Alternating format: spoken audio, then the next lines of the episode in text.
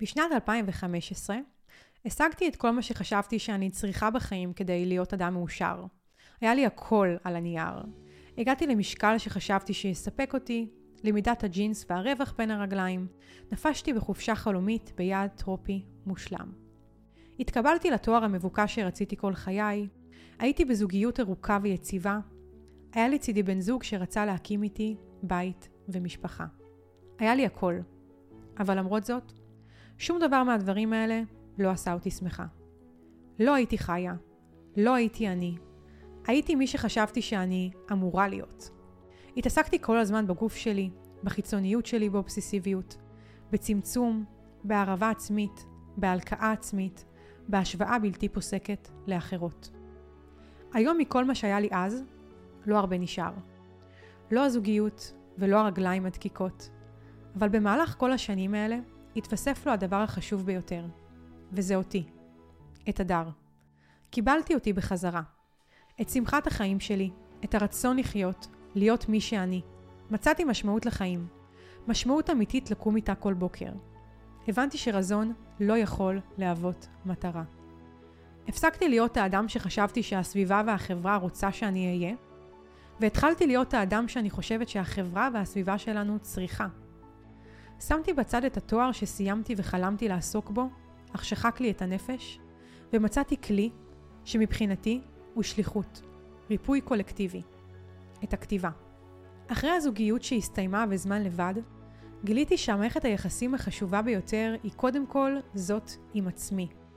שאני זה הבית, המשפחה, החברה הכי טובה והפרטנרית שתהיה שם תמיד, לאורך כל החיים שלי. למדתי לקבל ולהכיל בי את כל החלקים. ואת הדבר הכי חשוב, לאהוב אותי בדיוק כמו שאני, מבלי לצפות זאת מאחרים. אם במקרה בין השורות את רואה את עצמך מזדהה, אם את לא שמחה, אם את חלילה מקטינה את עצמך פיזית או רגשית כדי להרגיש אהובה, אני מניחה פה תזכורת עבור כל מי שצריך או צריכה שאפשר אחרת ושיש לנו בחירה. לא הפסדנו כלום אם הרווחנו את עצמנו. אין לי את כל מה שהיה לי אז על הנייר. יש לי אותי, משמעות לחיים ואהבה עצמית. מניסיוני, זה כל מה שאדם צריך כדי להיות מאושר. יכול מאוד להיות שהמילים האלה מצלצלות לכם מוכר, והסיבה היא שהמילים האלו הן פוסט שפרסמתי בחודש נובמבר, לצד שתי תמונות שלי, תמונות של הגוף שלי מתקופות שונות. הפוסט הזה קיבל חשיפה שלא ציפיתי לה והמון המון תגובות והודעות. הוא הפך לוויראלי ורץ ברשת בעמודים מוכרים, אבל זה לא העניין. העניין הוא שהפוסט הזה הוא הדבר הכי פגיע והכי חשוף, והוא הבחירה ששינתה לי את החיים.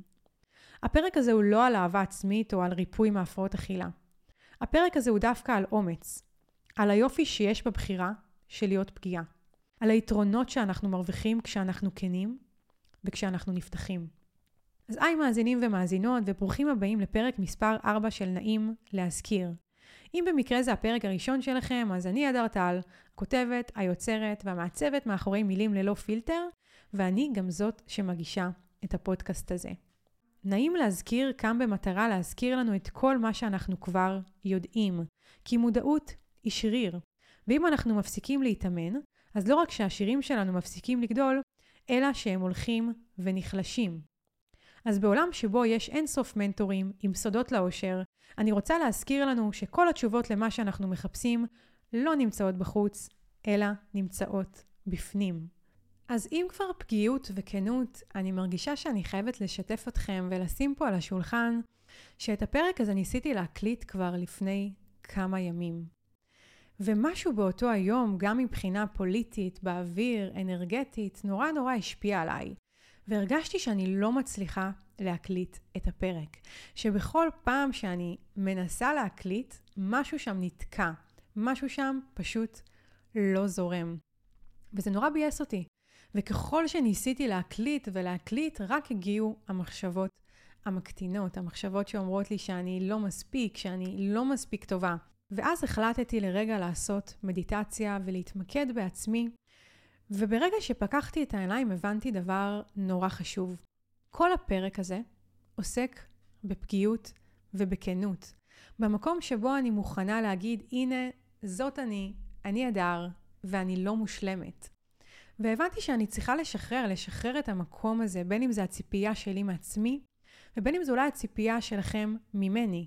בין אם זה הציפייה שלי מעצמי להיות הכי טובה, ולהגיש את הפרק הזה בצורה מדויקת, בדיוק כמו שדמיינתי אותו, ולהקליט אותו בדיוק ביום שדמיינתי אותו, במשבצת שהתאימה לי בלוז, ובין אם זה הציפייה שלכם, אולי ממני, שאני זאת שמגישה את הפודקאסט הזה. ואולי אתם מכירים אותי מאחורי המסך בתור הדר הכותבת, או כל מה שאני עושה בחיים, והציפייה שלכם שהפרק הזה יצא מושלם, ושאני אהיה מגישה שתגיש את זה הכי טוב, ובדיוק כמו שאתם דמיינתם. ואז הבנתי שיש לי פה בחירה, של או שאני ממשיכה להקליט את הפרק הזה באותו היום, באנרגיה שבה הייתי, או שאני רגע שמה את זה בצד. ובחרתי באופציה השנייה, בחרתי לרגע לנקות את הראש שלי, לנקות את האנרגיה וגם לבוא ולספר לכם את זה, ולהזכיר לנו שזה בסדר לא להיות מושלמים, וזה חלק מהחיים, ואין שום דבר שהוא מושלם, ושגם דברים המון פעמים לא קורים בסדר, וזה גם בסדר. ולהחליט שאנחנו מתמסרים לזה ושאנחנו לא נלחמים במציאות. אז עכשיו, אחרי ששיתפתי אתכם בזה, אני חושבת שאני יכולה להתחיל בפרק. אז היום מאוד נוח לי להיות בעמדה שבה אני כנה ושאני משתפת ושאני מאוד מאוד פתוחה עם מי שאני ושזה בסדר לי אה, לא לנסות להיות מושלמת. אבל הדבר הזה הוא לא היה דבר שקל לי בעבר והייתי צריכה לעבור איזשהו תהליך ארוך בלהסיר המון שכבות עם עצמי. ואני יודעת שלחלקכם, אה, גם מי שהכיר אותי לפני שככה התחלתי לדבר באופן נורא פתוח ברשת, עדיין הייתי כותבת, ואנשים הרגישו שהם מכירים את הדר הכותבת, ושזה עדיין מקום נורא חשוף. אבל מבחינתי, עד אז הכירו את הדר הכותבת, ומהיום הזה שבו פרסמתי את הסיפור שלי והתחלתי להיות נורא פתוחה לגבי הסיפור שלי ולגבי מי שאני, פתאום התחילו להכיר את הדר כמו שהיא באמת.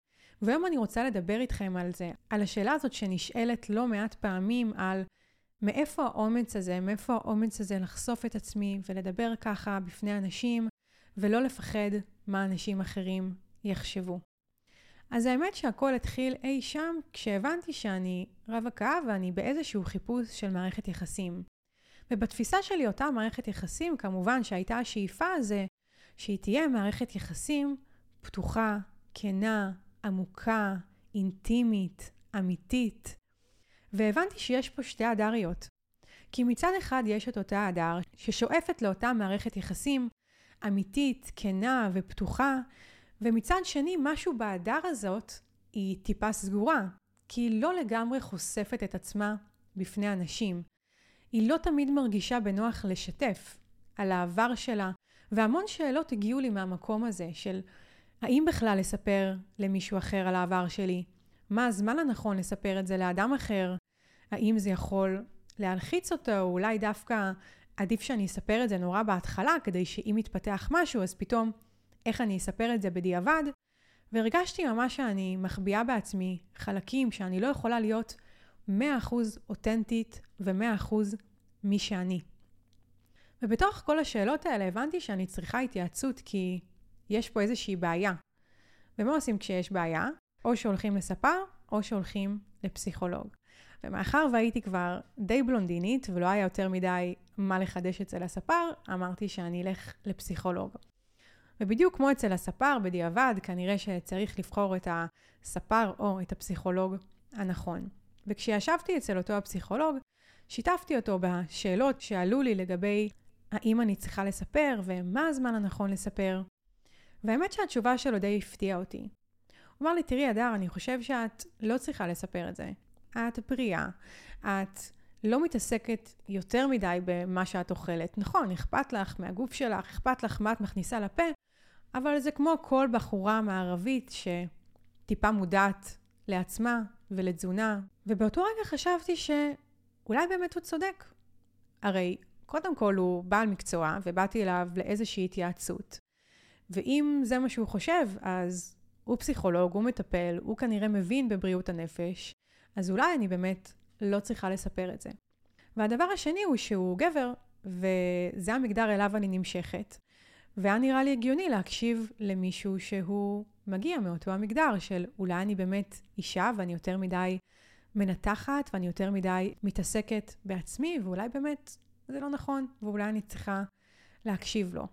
אז האמת שהקשבתי לו, והרגשתי שככל שבעצם הקשבתי לו, הדבר הזה לא רק שהוא לא השתפר, הוא החמיר. כי ישבתי בדייטים עם אנשים שפתאום היו כנים, ונורא נפתחו אליי, והדבר הזה רק הלחיץ אותי, כי התחלתי להחביא בעצמי את אותו החלק. לא הרגשתי בנוח לספר, הרגשתי שאני לא אמורה להיות כנה. אז הדבר הזה רק הלך והחמיר בחיים שלי, והבנתי שאולי אני עושה משהו לא בצורה הנכונה. ואחרי כמה חודשים שמעתי פתאום את ההרצאה של ברנה בראון. זאת לא הייתה הפעם הראשונה ששמעתי את ההרצאה הזאת, כי כמו שאתם יודעים, אני מאוד אוהבת לשמוע דברים כמה וכמה פעמים. אבל הפעם הזאת פשוט התחילו ליפול לי כל מיני אסימונים, התחילו להתחבר לי כל הנקודות. אז למי שלא מכיר, דוקטור ברנה בראון היא סוציולוגית, מרצה, חוקרת וכותבת, ויש לה שתי הרצאות מאוד מפורסמות. האחת נקראת העוצמה שבפגיעות, שאותה היא הרצתה בטד ואתם יכולים למצוא אותה ביוטיוב, וההרצאה השנייה נקראת קריאה לאומץ, שנמצאת בנטפליקס, הרצאה ממש ממש מומלצת, וזאת ההרצאה האחרונה והחדשה שלה יותר. אז ברנה בראון ערכה מחקר במשך שש שנים, ומה שעניין אותה זה בעצם קשרים, שאלו הדברים המשמעותיים בחיים שלנו. ומה שברנה בראון גילתה, זה שבכל פעם שהיא שואלת אנשים על שייכות ועל קשר, הם רק מספרים לה על חוסר שייכות וחוסר התקשרות. והיא ניסתה לחקור את הדבר הזה של מה בעצם גורם לאנשים כל כך לפחד מהתקשרות, או מה יושב שם במקום הזה. והיא הבינה שהדבר שיושב, הפחד הזה מחוסר התקשרות, הוא בעצם הבושה. השאלה של מה יש בי, שאם חלילה האחר יגלה, הוא לא ירצה איתי את אותו הקשר. והדבר הזה יושב בעצם על תחושת האני לא מספיק הזאת שלנו. על אני לא מספיק מוכשר, אני לא מספיק יפה, אני לא מספיק טוב, אני לא מספיק ראוי. זאת אומרת שבשביל שאנחנו באמת נוכל לפתח קשרים משמעותיים ומערכות יחסים משמעותיות בחיים שלנו, אנחנו נצטרך להתמודד עם בושה, עם המקום הזה של להסכים להיות פגיעים. והיא ראתה שבעצם יש שתי קבוצות. יש את הקבוצה שמסכימה להיות פגיעה, ושהיא מרגישה שייכת ושהיא מרגישה אהובה, ויש את הקבוצה השנייה שמרגישה לא שייכת ולא אהובה. והיא ניסתה להבין מה בעצם גורם לאותה קבוצה שמרגישה שייכת ואהובה להרגיש שייכת ואהובה. מה בעצם הדבר שמבדיל בין שתי הקבוצות האלה. והדבר שהיא גילתה כשהיא באמת הסתכלה על הסיפורים של אותם אנשים, זה שהדבר היחיד שמבדיל את אותה הקבוצה הזאת, זה שהיא מרגישה ראויה. שאותם האנשים שמרגישים שייכים ואהובים, מרגישים ראויים להיות שייכים ואהובים. זה כל הסיפור. אותם אנשים פשוט מרגישים שפגיעות הופכת אותם לאנשים יפים. הם לא רואים פגיעות כאיזושהי חולשה, הם רואים פגיעות כאיזושהי מתנה. הם מבינים שכשהם חומלים עם עצמם, כשהם פגיעים, הם מאפשרים חמלה לעצמם והם גם מאפשרים לעצמם להיות חומלים כלפי האחר. והדבר הזה, האומץ להיות מי שהם, מייצר אצלהם אפשרות להתמודד עם תחושה עזה של פגיעות. מייצר אצלהם תחושה של הם מושלמים בדיוק כפי שהם. לכל אחד יש את הסיפור הזה, בין אם זה הסיפור של מה שהוא חווה בחיים, את אותו העבר שלו, ובין אם זה הסיפור שלו על עצמו, על מי זה האני הזה. בדרך כלל זה סיפור שהתגבש מהסביבה. זה דברים שסיפרו לנו על עצמנו, אלו דברים שאמרו לנו שאנחנו, בין אם זה מהמשפחה שממנה הגענו, איזושהי משבצת שתפסנו, כל מיני תפיסות לגבי מי זה אותו האני.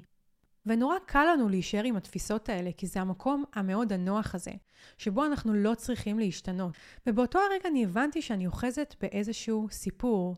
אותו סיפור על מהי פגיעות ואיך אני תופסת פגיעות. אני הבנתי שאני נתפסת בפני עצמי ובפני הסביבה שלי, בתוך המשפחה שלי, כאחת שתמיד נורא נורא חזקה. והדבר הזה בתוך המשפחה שלי נורא בידל אותי, והיה לי נורא נוח להחזיק במקום הזה. כי אני באה מתוך משפחה גדולה, מתוך משפחה של אנחנו חמש אחיות. ובתוך משפחות גדולות, ואני בטוחה שזה גם בתוך משפחות קטנות, אבל בעיקר בתוך משפחות גדולות, יש את הרצון הזה להרגיש מיוחד, יש את הרצון הזה שיראו אותך, יש את הרצון הזה לנסות לבדל את עצמך מהשאר. והבנתי שזה איך שתופסים אותי. וזה מה שגורם לי להרגיש מיוחדת, להרגיש שונה, להרגיש אחרת, אחרת מהחיות שלי. והדבר הזה גרם לי בעצם להאחז. להאחז בהגדרה הזאת כמי שאני. כי אני בן אדם נורא חזק, כי אני בן אדם שלא מראה פגיעות. הבנתי שהסיפור הזה כבר לא משרת אותי. ולכל אחד מאיתנו יש את הסיפור הזה. כל אחד מאיתנו אוחז בתפיסה כזאת או אחרת. ואני לא אומרת שאנחנו צריכים להשליך אותה לגמרי.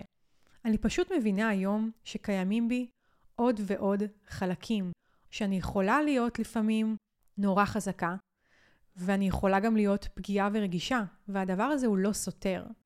זה לא אחד נגד השני, זה אחד תומך בשני. אז הבנתי שאני צריכה לשנות את התפיסה שלי לגבי מהי פגיעות בעיניי. הבנתי שאני נאחזת באיזושהי אנרגיה גברית. ויש במקום הזה של עולם ההתפתחות האישית המון אנרגיה שהיא גברית, והמון פעמים היא לא מאוזנת. יש אנרגיה שהיא נשית ויש אנרגיה שהיא גברית.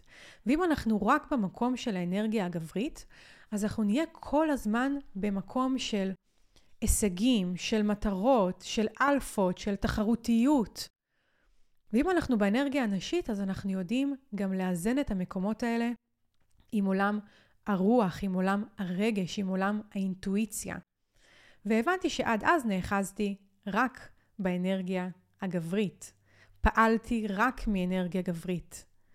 והבנתי גם שבתוך המקום הזה של התחרותיות, נכון? שאנחנו לא רוצים להראות פגיעות מתוך מקום של תחרותיות, שאם חלילה אני אראה פגיעות, אז אולי מישהו ינצל את זה, שיראה שאני פגיעה.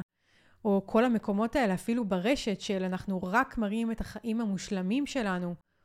והבנתי שאני צריכה לעשות שם איזשהו שינוי בתפיסה שלי. כי מול מי אני מתחרה?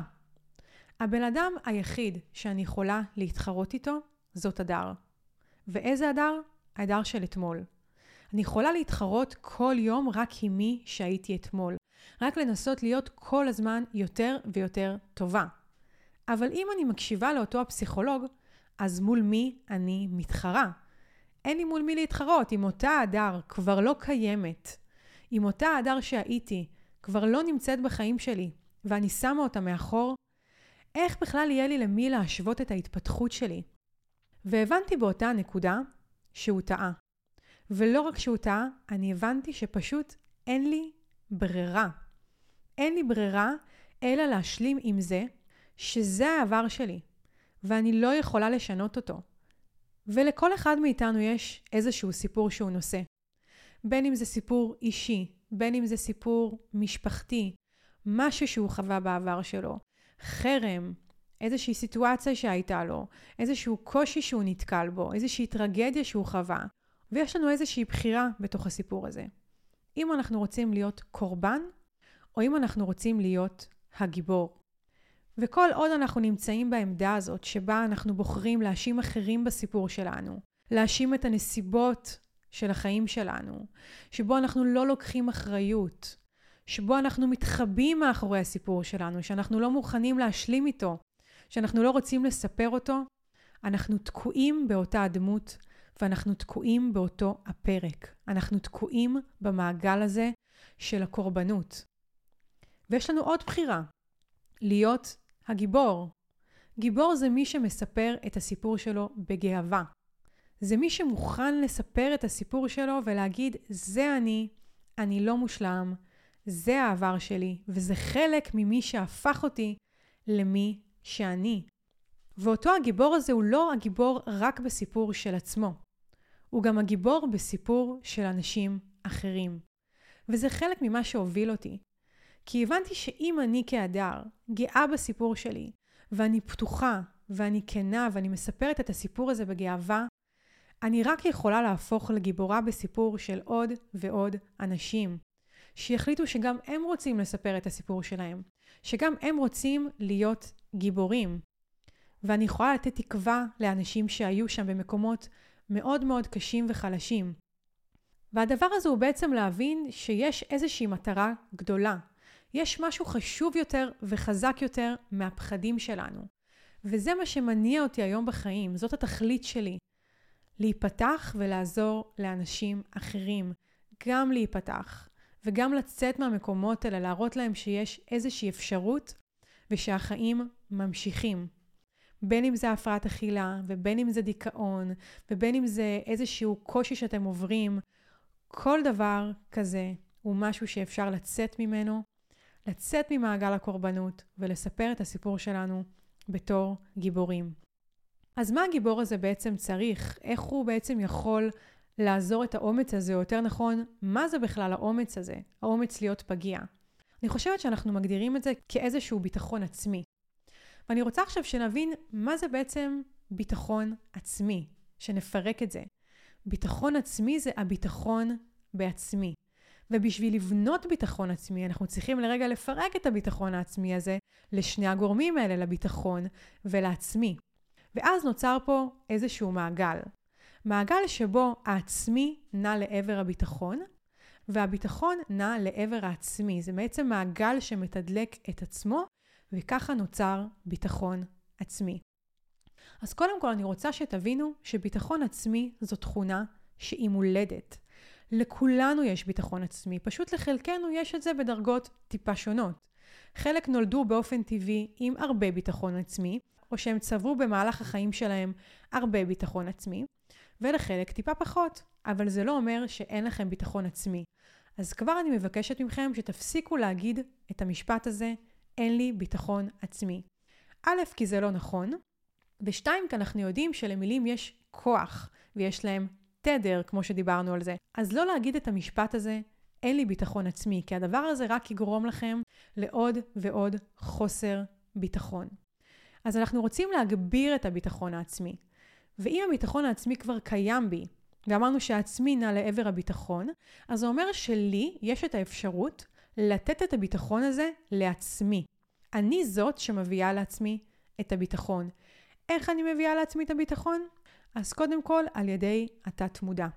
על ידי התת-מודע יש לנו אפשרות להטמיע הצהרות חיוביות. יש לנו ממש אפשרות להיעזר במילים, כי כמו שאמרנו, יש להם איזשהו כוח, ולהטמיע בדיוק את אותם המילים כמחשבות. אם אני מטמיעה לעצמי במחשבה שאני בן אדם בעל ביטחון עצמי גבוה, ואני כל היום משננת לעצמי שאני בן אדם בעל ביטחון עצמי גבוה, ואני אומרת לעצמי דברים חיוביים, סביר להניח שהביטחון שלי יעלה, ושאני אהפוך להיות אותו הבן אדם. אז זה לא משנה באיזה שיטה אתם בוחרים, בין אם זה אה, להדפיס איזשהו משפט ולתלות אותו על המקרר, ליד המיטה, מול המראה, לשנן שאתם בעלי ביטחון עצמי גבוה, בין אם זאת אני שעושה הצהרות חיוביות ויש לי כל בוקר רשימה של הצהרות חיוביות ושל האני האידיאלי שלי, שאני קוראת אותה, ואני גם שומעת אותה, כי אני הקלטתי לעצמי אותה ואני שומעת אותה מדי בוקר, וזה גורם לי להטמיע אותה בתת מודע. אז איזה בחירה שלא תעשו, תשתמשו במילים בשביל להטמיע לעצמכם מסרים שהם חיוביים, מסרים שיעזרו לעצמכם להעלות את הביטחון העצמי. דבר שני הוא בצורה פיזיולוגית. יש עמידה שנקראת עמידת סופרמן או עמידת וונדר וומן או איך שלא תרצו לקרוא לה, אני יכולה לפרסם לכם אותה אה, באינסטגרם שתוכלו לתרגל ולהבין בדיוק איך זה עובד. אבל זה ידוע שאם אנחנו עומדים במשך שתי דקות באותה עמידה, באופן פיזיולוגי, הביטחון העצמי שלנו עולה. והדבר הזה הוא מעולה, ואני ממליצה לכם לעשות אותו, בין אם זה לפני פגישה נורא חשובה, איזשהו רעיון עבודה, אם במקרה אתם אנשים שעולים על במה או עושים איזושהי פרזנטציה כזאת או אחרת, הדבר הזה יכול לסייע לנו בכל המצבים האלה. ובין אם זה סתם אתם מרגישים באיזשהו בוקר שקמתם טיפה על הצד הלא נכון, אז פשוט לנסות לשנות באופן פיזי את האנרגיה שלנו. אז זה מה שאמרנו כשעצמי נע לעבר הביטחון, נכון? אבל כמו שאמרנו, הדבר הזה הוא מעגל, וגם הביטחון נע לעבר העצמי. ומה הדבר הזה אומר? לנו יש איזושהי מחשבה שבשביל לעשות כל מיני פעולות מסוימות, אנחנו צריכים ביטחון, אנחנו צריכים איזשהו אומץ. אבל המחשבה הזאת היא לא לגמרי נכונה. כי אם אני בוחרת לעשות דברים שמפחידים אותי, אף על פי שאין לי ביטחון באותו הרגע, אז מה שהדבר הזה יגרום לי, זה בעצם לצבור ביטחון. כשאני עושה דברים שמאתגרים אותי, שמפחידים אותי, אף על פי שבאותו הרגע אני לא מרגישה מספיק ביטחון לעשות אותם, אני לא מרגישה מספיק אמיצה, אני בעצם צוברת ביטחון. אז פה בעצם נשבר המיתוס. ואם אתם חושבים שבאותו הרגע שבו סיפרתי את הסיפור שלי, הרגשתי את מלוא הביטחון, אז ממש ממש לא. אמנם אני אוהבת את עצמי ואהבתי את עצמי גם באותו הרגע, אבל עדיין חששתי. חששתי מהתגובות של אנשים אחרים, חששתי שאני אתחרט אחרי חמש דקות שהפוסט הזה יהיה באוויר, ופשוט אמרתי, אוקיי, אין לי ברירה, עצמתי עיניים, אף על פי שלא היה לי ביטחון, ואמרתי, זה לא החיים שאני רוצה לחיות, אני לא רוצה לחיות עם הסוד הזה, אני רוצה להיות הגיבור, ועצמתי את העיניים ופשוט לחצתי על פוסט, ושיגרתי את זה לעולם. ואני חייבת להגיד לכם שמאז החיים שלי פשוט השתנו לטובה. בין אם זה אנשים שאני מכניסה לחיים שלי, אנשים שאני מזמנת לחיים שלי יותר נכון, ובין אם זה זה שאני פשוט מרגישה בנוח להגיד כל דבר שאני רק רוצה. אני מאוד נאמנה לעצמי, אני מאוד מאוד כנה עם מי שאני ועם מה שאני מרגישה. בעבר נורא פחדתי, פחדתי לבטא את הרגשות שלי, פחדתי להגיד כשדברים מפריעים לי בתוך קשר, והיום התחושה שלי היא לגמרי שונה. היום אני מרגישה שאין משהו שאני יכולה להגיד שהוא מפחיד אותי. אין משהו שאני מפחדת להגיד אותו. והבנתי שעד אותו יום פשוט התנהלתי ואנחנו מתנהלים מתוך כל מיני תבניות חברתיות של מה נכון להגיד או מה לא נכון להגיד או מתי הזמן הנכון להגיד את זה והאם הוא בכלל בן אדם שראוי שאני אגיד לו את הדבר הזה. אנחנו עושים כל מיני חישובים של מה טיב הקשר ומי אותו הבן אדם. אנחנו יותר מדי מסתכלים על האחר, על הצד השני, ולא על מה אנחנו, מה נכון לי, מה אני רוצה. ובתוך המחשבה הזאת על האחר, אנחנו כל הזמן מפספסים דברים. תחשבו על זה. כמה פעמים פספסתם דגלים אדומים? כמה פעמים הייתם בתוך קשר שהסתיים ממשהו שראיתם אותו כבר בדייט הראשון? אז למה בעצם הדבר הזה קורה? אז הסיבה הראשונה היא שיש הורמונים שנכנסים לתמונה. בכל מפגש כזה שבו יש לי איזושהי התרגשות או איזשהו אלמנט של ציפייה, כבר יש הורמונים שמופרשים. דופמין, אנדרנלין, והדברים האלה משפיעים על שיקול הדעת של כולנו. והסיבה השנייה היא, כמובן, האגו שלנו. המקום שבו אנחנו רוצים להרשים, שבו אנחנו רוצים להיות נחשקים ואהובים, שיראו אותנו, שיקבלו אותנו. והמון פעמים זה אפילו לא קשור לכמה אנחנו אוהבים או רוצים את האחר. אבל הדבר הזה, הרצון לכבוש את האחר, הרצון שיראו אותי, הרצון להיות אהובה, הוא מה ששולט כרגע בסיטואציה. ולכן אני לא באמת אהיה נוכחת באותה סיטואציה. אני אמנם אהיה נוכחת פיזית ואני אנהל את השיחה הזאת ואני אזכור שם כל מילה, אבל אני לא אהיה שם בנוכחות של הכאן ועכשיו, בנוכחות של מי שאני באמת. אני אגיב מתוך אוטומטים. אני אשמע את מה שאחר אומר לי, אבל אני לא באמת אקשיב. אני לא אעצור ואחשוב איפה הדברים האלה פוגשים אותי. ואנחנו גם חיים בתוך עולם כזה של fast information, שבו אנחנו לא באמת עוצרים, שבו אין לנו סבלנות. הכל נורא נורא מהר, בין אם זה סרטון עכשיו, שאם הוא לא מעניין אותי אה, תוך שלוש שניות, אז אני אדפדף אותו הלאה ואני אמשיך לגלול בפיד. אז אותו דבר בתקשורת בין בני אדם. אנחנו חיים כרגע בתוך עולם כזה שבו אם מישהו אה, לא מגיב מספיק מהר, או שמישהו לא מעניין אותי תוך מספר שניות, ובתוך תרבות השפע, אז אני אעבור נורא מהר ואני ככה אדפדף אותו הלאה. ולכן יש לנו גם את הרצון לסקרן ולעניין ולהרשים, גם אם הדבר הזה פוגע בתקשורת שלנו. והבחנתי שהדברים האלה אצלי יושבים גם על זמן תגובה. מה זאת אומרת? זאת אומרת שהאוטומטים האלה יוצרים אצלי או תגובה מהירה מדי, או חוסר תגובה בזמן. זאת אומרת שאו שאני מגיבה מהר מדי, ואני מגיבה מתוך אוטומטים בשיחה, ואני לא עוצרת לרגע לחשוב, רגע, מה אני חושבת על מה שנאמר פה? האם זה מתאים לי? האם זה לא מתאים לי?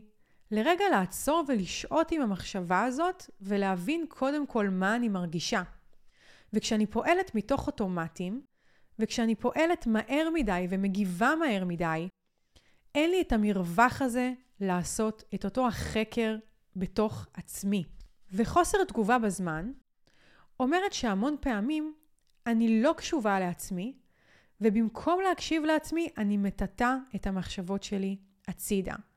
ואני בטוחה שכולנו עושים את זה, כי אנחנו לא רוצים להרגיש דרמטי מדי, כי אנחנו לא רוצים להלחיץ את הצד השני, כי אנחנו לא רוצים uh, לצאת כך או אחרת, אנחנו רוצים לצאת כלילים, ואנחנו רוצים לא לחוש פגיעות, ולכן אנחנו כל הזמן נזיז את המחשבות האלה הצידה. אנחנו לא ניתן לעצמנו באמת באותו הרגע להתבטא ולשתף את האחר עם המחשבות שלנו. ובסופו של דבר, אלה הדברים שיוצרים המון בעייתיות בתוך המערכות יחסים. שאנחנו לא באמת אומרים את הדברים שמפריעים לנו, ואנחנו לא באמת נותנים לעצמנו להיות מי שאנחנו באמת. אז אני עכשיו אשאל אתכם שאלה. אם הייתם רואים רמזור אדום, האם הייתם עוצרים? קודם כל, האם ראיתם את הרמזור האדום? אתם מבחינים בו? ואם כן, האם אתם עוצרים? וככה זה עם דגלים אדומים. ואני לא מדברת עכשיו על רמזור אדום של הולכי רגל בתל אביב, אני מדברת על רמזור אדום כקונסנזוס. אז הרמזור הזה זה החיים שמסמנים לנו. החיים כל הזמן מסמנים לנו.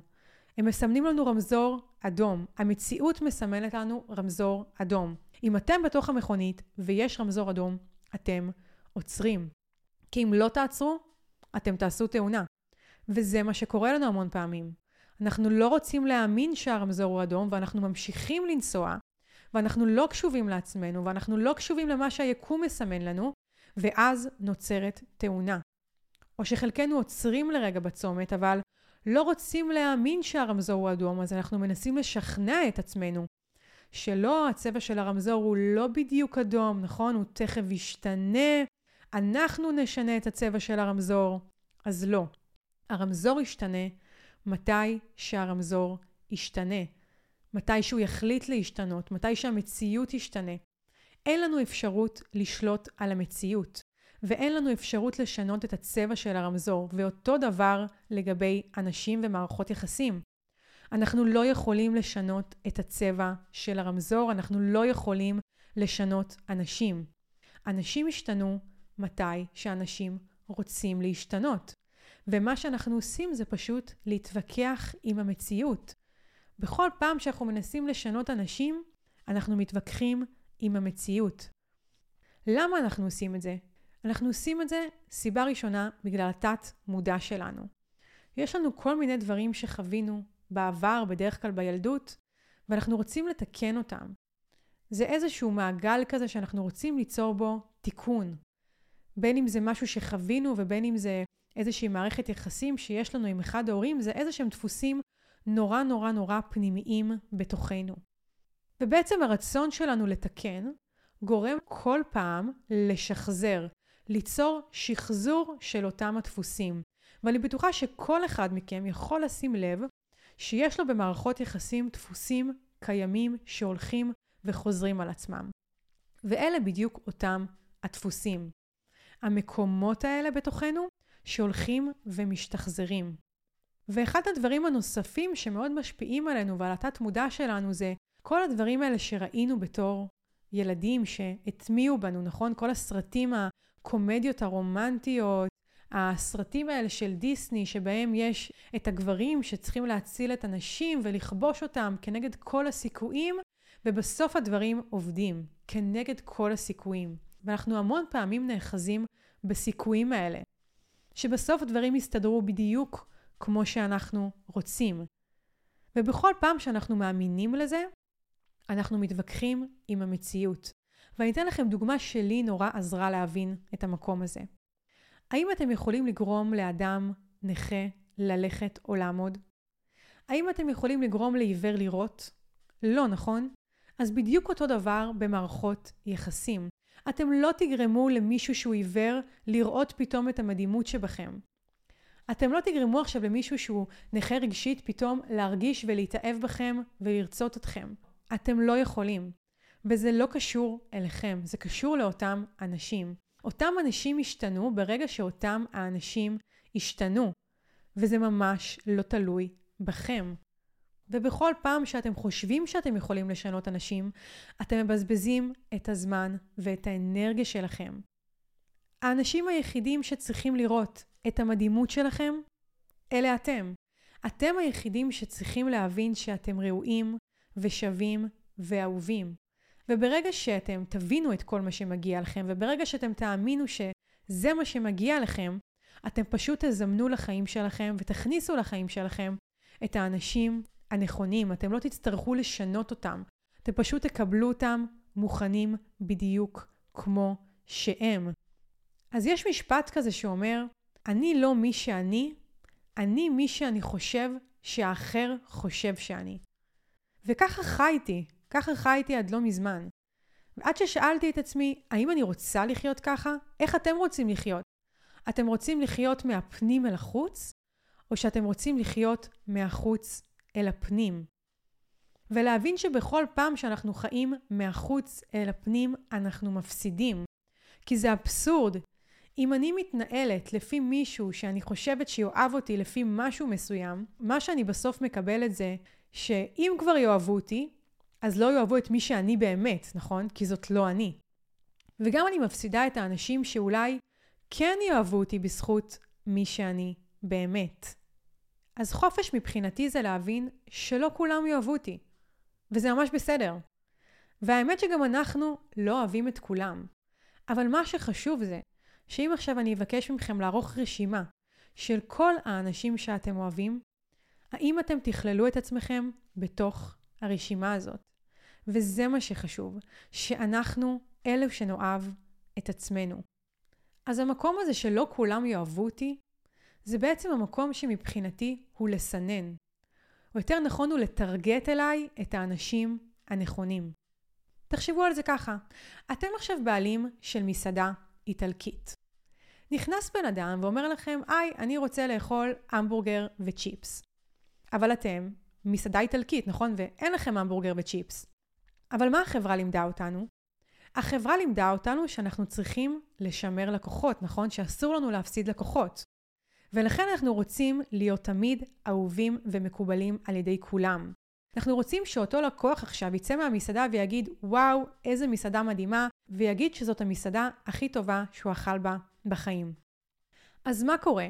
בשביל לרצות את אותו הלקוח, בשביל שאותו הלקוח יצא מרוצה, אני עכשיו מתחילה להתאים את המסעדה אל הלקוח במקום לזמן את הלקוח הנכון למסעדה.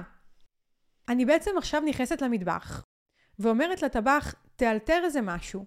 ובאותו הזמן הזה אני רק הולכת ומפסידה. את מה אני מפסידה?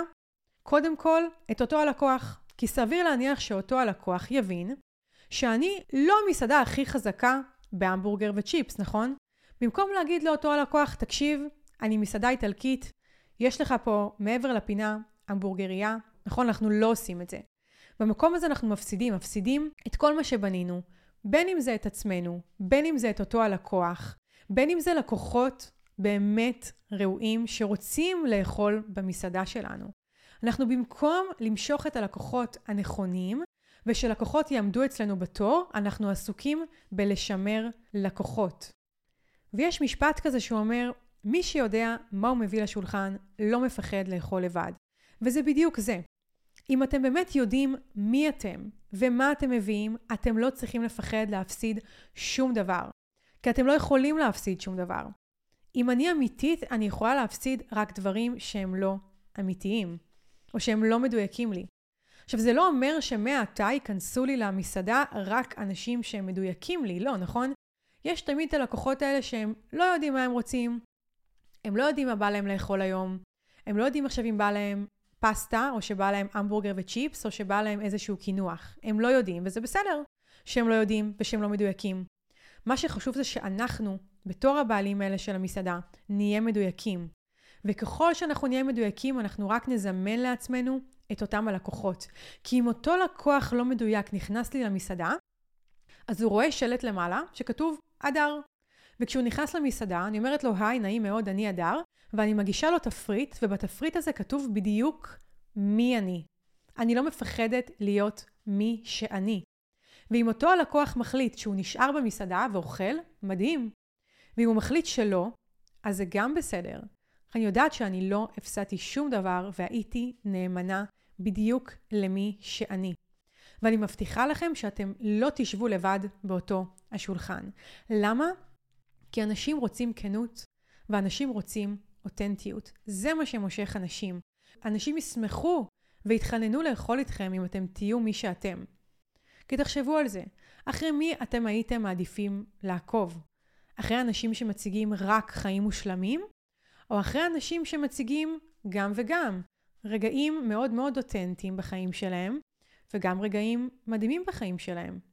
אני די בטוחה שהייתם רוצים לעקוב אחרי אנשים שהם באמת עצמם ומשדרים איזושהי כנות ואותנטיות אמיתית.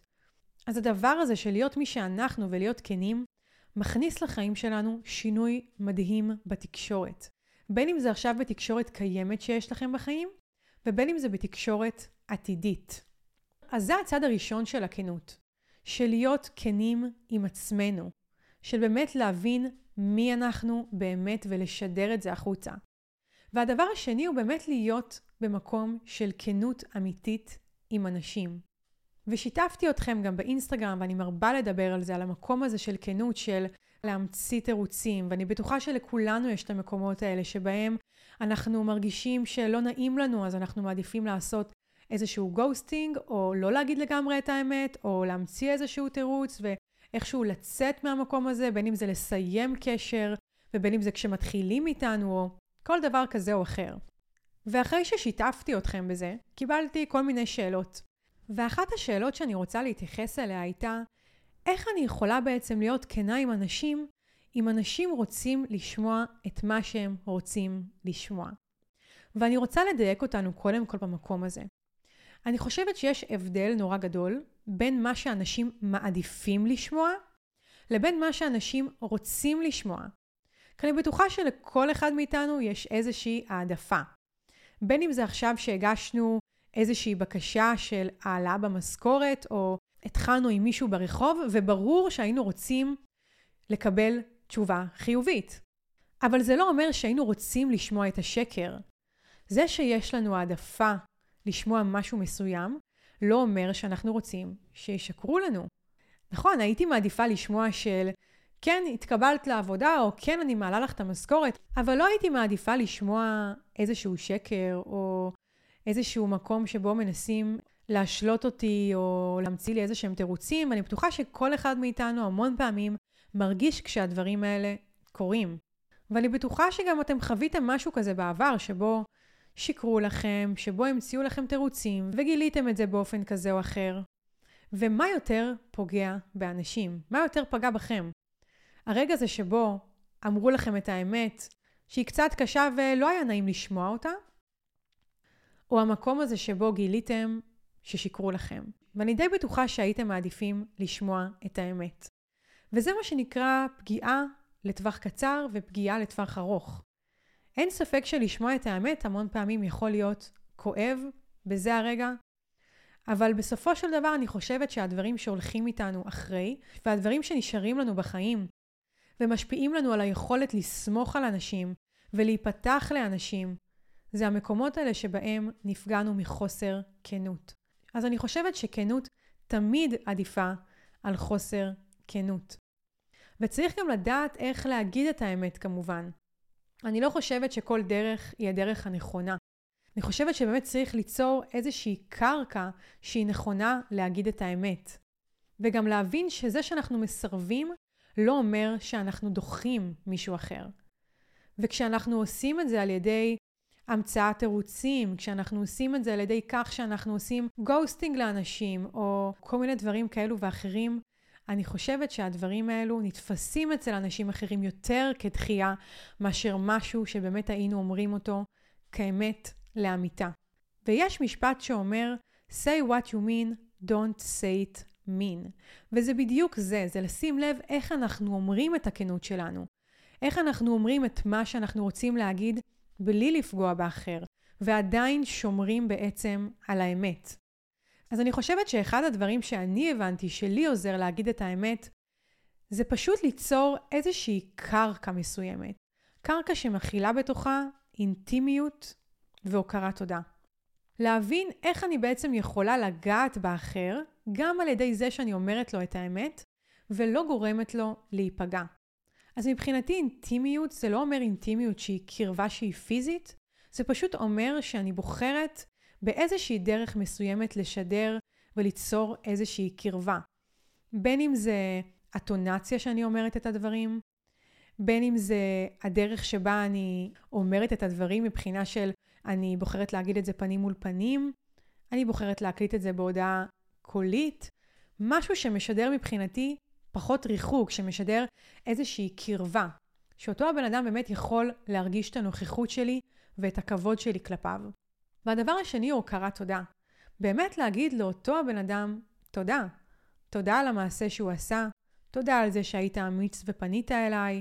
באמת להיות אמיתיים ולהגיד תודה, כי בכל אחד יש משהו שהוא משהו שאפשר להגיד עליו תודה, שהוא משהו מעניין, שהוא משהו מסקרן, שהוא משהו מקסים. עצם המחווה עצמה המון פעמים יכולה להחמיא לנו. אז באמת להראות לבן אדם השני את ההערכה שלנו כלפיו. ויש כמובן גם רמות של כנות, אנחנו לא תמיד צריכים להגיד את כל האמת. אני חושבת שהאמת היא חשובה, כי בין אם זה הכנות שלנו עם עצמנו, ובין אם זה כנות שיכולה לעזור לאחר.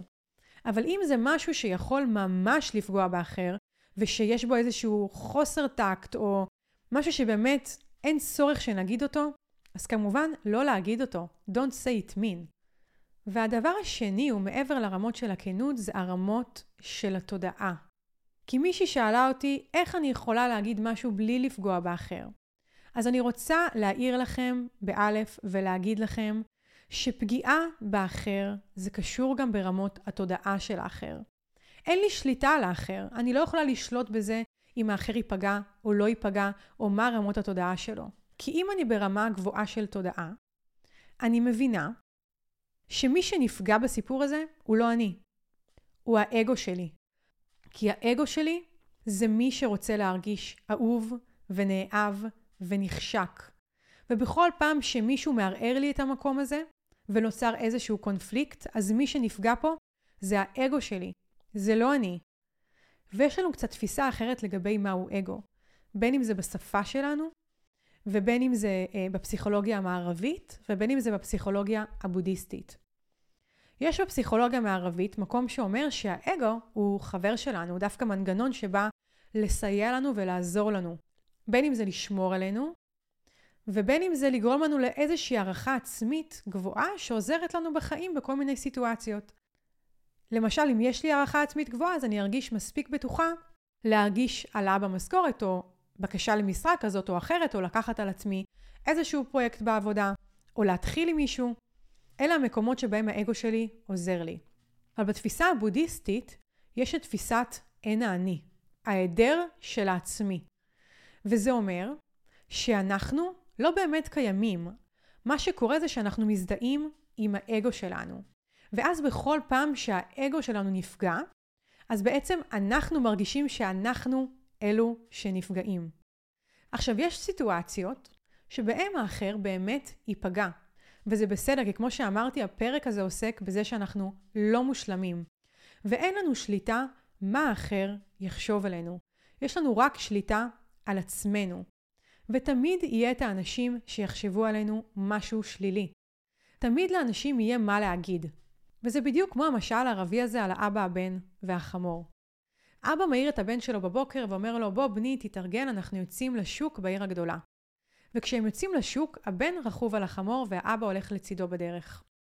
ואיך שהם מגיעים לשוק, מסתכלים עליהם כל האנשים, ואומרים, תראו את הילד החצוף הזה. איך הוא מביא לאבא שלו ללכת ככה את כל הדרך, בזמן שהוא יושב על החמור? איזה מין ילד זה? איזה חוסר כבוד. אבא והבן שומעים את זה ומחליטים לחזור הביתה. למחרת הם קמים בבוקר, ואבא אומר לבן שלו שוב, בוא בני תתארגן, אנחנו יוצאים לשוק בעיר הגדולה. רק שהפעם האבא הוא זה שיושב על החמור והבן הוא זה שהולך לצידו. ואיך שהם מגיעים לשוק, מסתכלים עליהם כל אנשי העיר ואומרים, תראו את האבא החצוף הזה. למה הוא לא מביא לילד שלו לשבת על החמור? איזה מין אבא זה? איזה חוסר אכפתיות.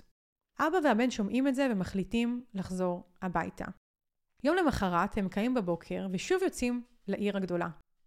וברגע שהם מגיעים לשוק, שניהם רכובים על החמור. מסתכלים עליהם האנשים ואומרים, איזה אנשים רעים, איך הם מתעללים בחמור הזה. לא מספיק שכזה חם בחוץ, הם גם שניהם רכובים על החמור, והשניים מחליטים לחזור הביתה. ולמחרת, הם יוצאים שוב לעיר הגדולה לשוק, הפעם שניהם לצד החמור. איך שהם מגיעים לשוק, מסתכלים עליהם כל אנשי העיר וצוחקים. אומרים להם מי האדם ומי החמור. לאנשים תמיד יהיה מה להגיד. לא משנה מה תעשו. לא משנה כמה אתם תנסו לרצות אנשים. תמיד יהיה את האנשים שיהיה להם מה להגיד עליכם. תמיד בסיפור של מישהו אחר אתם תצאו הרעים, הלא מושלמים.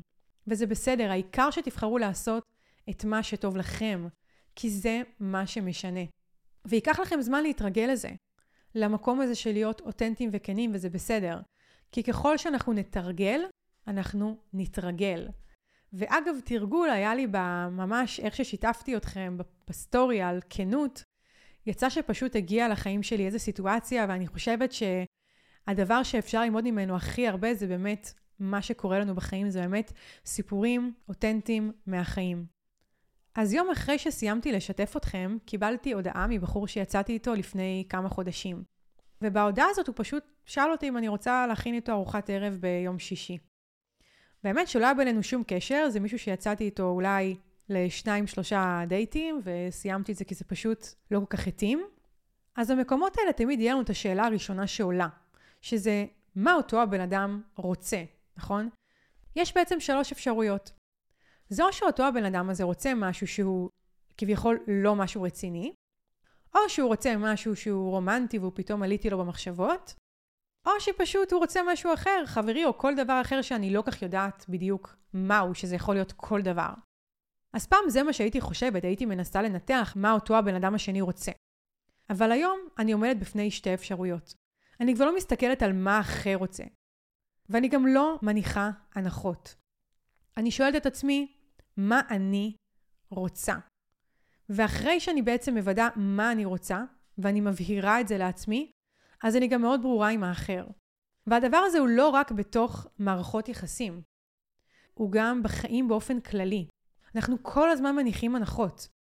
בין אם זה עכשיו, קיבלתי טלפון מאימא שלי ואני חושבת שאני יודעת בדיוק מה היא רוצה להגיד לי, בין אם זה עכשיו איזושהי הצעת עבודה שאני בטוחה שאני יודעת בדיוק מה אותו הבן אדם רוצה ממני ומהי אותו המשרה, ובין אם זה עכשיו אה, לקוחה שיש לי ואני בטוחה שאני יודעת בדיוק כמה היא מוכנה או לא מוכנה לשלם.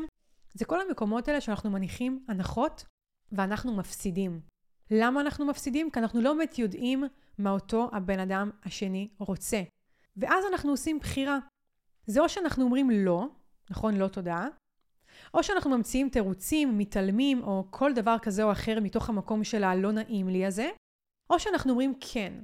אבל כשאנחנו אומרים את הכן הזה, אנחנו לא באמת בטוחים. אנחנו כאילו אומרים אותו מתוך מקום שאנחנו עדיין לא מציבים בו גבולות, שלא עשינו איזשהו תיאום ציפיות. אבל אם אני כן עושה את התיאום ציפיות הזה, אם אני קודם כל באמת מבארת עם עצמי מה אני רוצה, ואז אני מבהירה את זה לאחר, אז לאחר יש שתי אפשרויות. או שכן, או שלא, נכון? אני נותנת לאחר את ההזדמנות להיות איתי. ואני לא תמימה עכשיו, אני לא אומרת שתמיד באמת האחר יהיה איתי, אבל אני רוצה להאמין שאם אני כנה עם האחר, אז האחר כנה איתי בחזרה. ואם אני חוזרת לאותו הסיפור, אז שלחתי לאותו הבחור הודעה סופר נחמדה וכנה, שאני ממש אשמח להיפגש איתו, אבל אני לא חושבת שזה מתאים בקטע רומנטי, והשאלה מאיזה מקום הוא שואל את זה.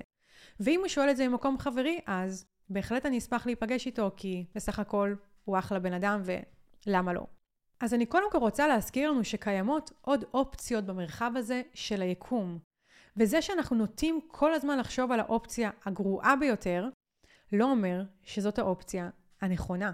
כשאני כנה עם האחר, אני מאפשרת לו גם אפשרות להיות כנה איתי, אבל גם יותר מזה, אני מאפשרת לאחר להיות כנה עם עצמו. כי כמו שאמרתי, המון פעמים אנחנו לא כנים עם עצמנו. אם תקבל את פגיעותך בלי כל תנאים, אם תקבל שהאדם וכל יצור אחר בעולם הוא שביר ופגיע, שהחיים הם חוט טק שיכול להיקרע בכל רגע. ברגע שאתה מקבל את זה, אתה פשוט מבין שכל אחד יפה כפי שהוא. ולכל אחד יש חולשות. החולשות הן חלק מהטבע האנושי. אחד הצרכים הבסיסיים ביותר הוא להיות חשוב לאדם אחר. אבל האגו אינו רוצה לקבל את זה, שזהו צורך בסיסי, להיות חשוב, נאהב ומתקבל על ידי האחר. זאת הסיבה שאינטימיות מעוררת פחד. הצעד הראשון הוא לקבל את עצמך בשלמותך. ברגע שאתה מקבל את עצמך כפי שאתה, הפחד מאינטימיות נעלם. אז כבר אינך יכול לאבד את כבודך. אינך יכול לאבד את גדולתך המדומה. אינך יכול לאבד את האגו שלך. אתה יכול להיפתח, כי אינך מלא בהדחקות. אתה יכול לומר את כל מה שאתה מרגיש בצורה אותנטית וכנה. וכשאתה מוכן להיות אינטימי, זה יאפשר גם לאחר להיות אינטימי. פתיחותך תעזור לאחר להיפתח אליך. הפשטות נטולת היומרות שלך תאפשר לאחר להיות גם הוא פשוט. נותן אמון, אוהב ופתוח. וזה משהו נורא חשוב שלקחתי מתוך המפגש הזה. אותו הבחור אחר כך הודה לי, באותו רגע גרמתי לו להבין עם עצמו איזושהי תובנה. כי אני לא יודעת מאיזה מקום הוא שלח לי את ההודעה הזאת. יכול להיות שהוא הרגיש בודד, יכול להיות שהוא הרגיש איזושהי חרדה קיומית עם כל מה שקורה במדינה, יכול להיות שהוא סתם הרגיש שהוא צריך תשומת לב, שהוא רוצה לדבר, שהוא רוצה תקשורת, יכולות להיות אלף ואחת סיבות. אבל העניין הוא שגרמתי לו להבין לרגע מה הנפש שלו באמת רוצה. בזה שאני הבנתי מה הנפש שלי רוצה, ובזה שלא התפשרתי, ובזה שאמרתי את האמת שלי, גרמתי לעצמו גם להבין עם עצמו מה הנפש שלו באמת רצתה באותה הסיטואציה. אז היום אינטימיות זה משהו שלא מעורר בי פחד. היום הפחד מאינטימיות ומפתיחות בשבילי זה משהו שנעלם. היום כנות זה משהו שהרבה יותר קל לי. כי הבנתי שזה בדיוק כמו נתינה. אני לא עושה שם חשבון. כשאני נותנת, אני נותנת כי זה עושה לי טוב. אני לא נותנת בגלל האחר. אני לא חושבת אם האחר ראוי או לא ראוי לנתינה שלי. אני נותנת כי נתינה זה משהו שממלא אותי. כי זאת האדם שאני. ואותו דבר לגבי כנות ופתיחות. אני לא עושה חשבון האם אותו הבן אדם ראוי לפתיחות שלי ולכנות שלי, או לא ראוי לפתיחות שלי ולכנות שלי. אני פשוט מי שאני, ואני בוחרת להיות בן אדם פתוח וכנה ואותנטי. אני בוחרת להבין שאני בן אדם כזה. ולכן עם כל מי שאני אפגוש, אני אצור מרחב שהוא כנה ואותנטי ופתוח ואינטימי, ללא תנאים וללא תלות במי הוא האחר. אז אני מקווה שהפרק הזה פתח לכם משהו בלב ובמחשבה. שהוא פתח לכם ערוץ של תקשורת יותר נכונה, של מקום של חמלה, קבלה, חוסר שלמות והברכה שהיא מביאה. אז כמו תמיד, אתם מוזמנים לשתף אותי בכנות על מה הפרק העלה בכם. שאלות ותהיות שנשארו איתכם, וכמובן שאני אשמח שתדרגו את הפודקאסט, תעקבו אחריו בפלטפורמה שבה אתם מאזינים, ותשתפו אותו עם מי שאתם אוהבים, כדי שנוכל להמשיך ולהיפגש פה לעוד מלא מלא פרקים. נתראה בפרק הבא.